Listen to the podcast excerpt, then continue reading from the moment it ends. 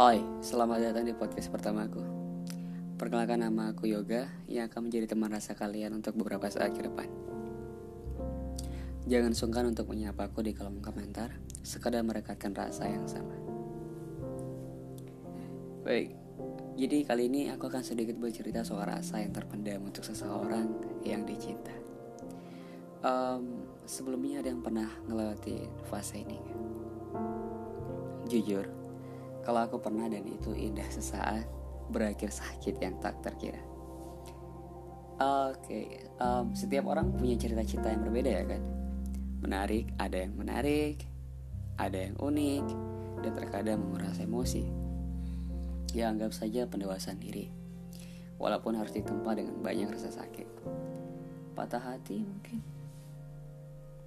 Dan kali ini kita akan bahas salah satu fase yang penuh emosi yaitu cinta dalam diam. Kali ini aku akan sedikit bercerita soal ini, kisahku sendiri. Oke, jadi kita selamat mendengarkan. Aku pernah suka sama seseorang. Ia cantik dan cemerlang, terkadang energik ketika mood baiknya ikut bermain ya. aku suka dan nyimpan rasa itu hampir dua tahun lamanya gimana ya? Aku ngerasa tidak masalah sih. Aku menikmatinya. Awalnya sampai hatiku menuntut untuk diutarakan. Ya yang aku tahu ya dianggap aku teman. Sekedar teman dan tidak lebih. Tapi ya caranya terkadang membuat aku bingung gitu. Apakah aku harus mundur atau maju? Fase yang berat banget sampai-sampai Tuhan itu seperti ya memberikan aku petunjuk ya. Dan meyakinkan aku bahwa hey kamu hanya teman. Dengan cara nunjukkan kepada aku kalau dia sedang dekat sama orang lain. Sakit tau gak sih? Aku kecewa ya marah iya. Cemburu apalagi. Sangat cemburu pokoknya tapi bukan siapa-siapa ya. Tapi aku ini bukan siapa-siapanya gitu. Untuk jadi seseorang pun untuknya mungkin mustahil ya. Tapi ya aku coba berlaga seperti hati ini baik-baik saya di depannya gitu. Karena aku temannya.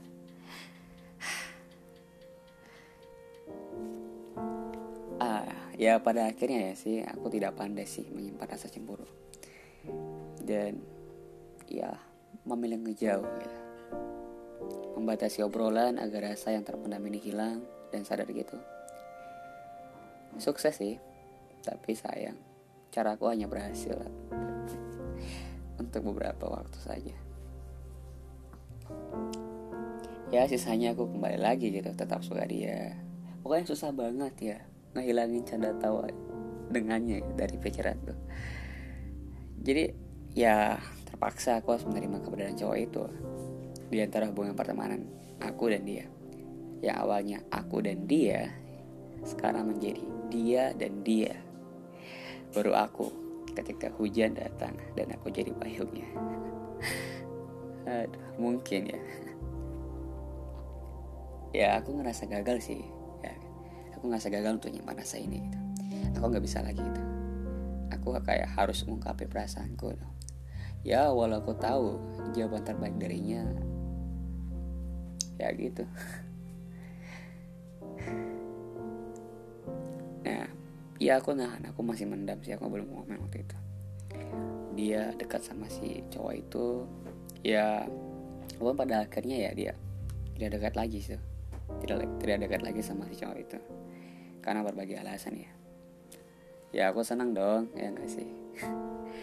Karena akhirnya dia sendiri lagi denganku namun ya ya gitu. Sering dengan waktu. Ya dia tetap didekati sama cowok-cowok yang lain gitu. Ada cowok ini pasti ada cowok lain. Um, gimana ya dia orangnya baik sih. Ya, emang baik dan cantik gitu kata orang. Jadi tak salah sih ketika banyak cowok yang tertarik sama dia. Namun ya ini lebih membingungkan dan berat sih untuk pasti ini ada kejadian ini.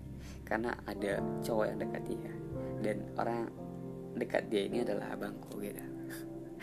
Temanku sih sebenarnya tapi karena dia lebih tua ya aku panggilnya abang jadinya.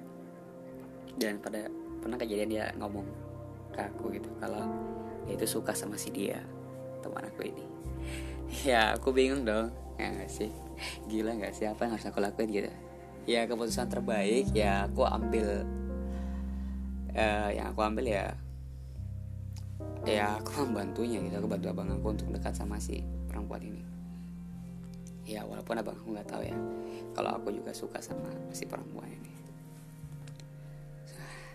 Ya gimana ya? Aku milih itu karena gimana ya abang ini baik banget sih sama aku gitu baik banget.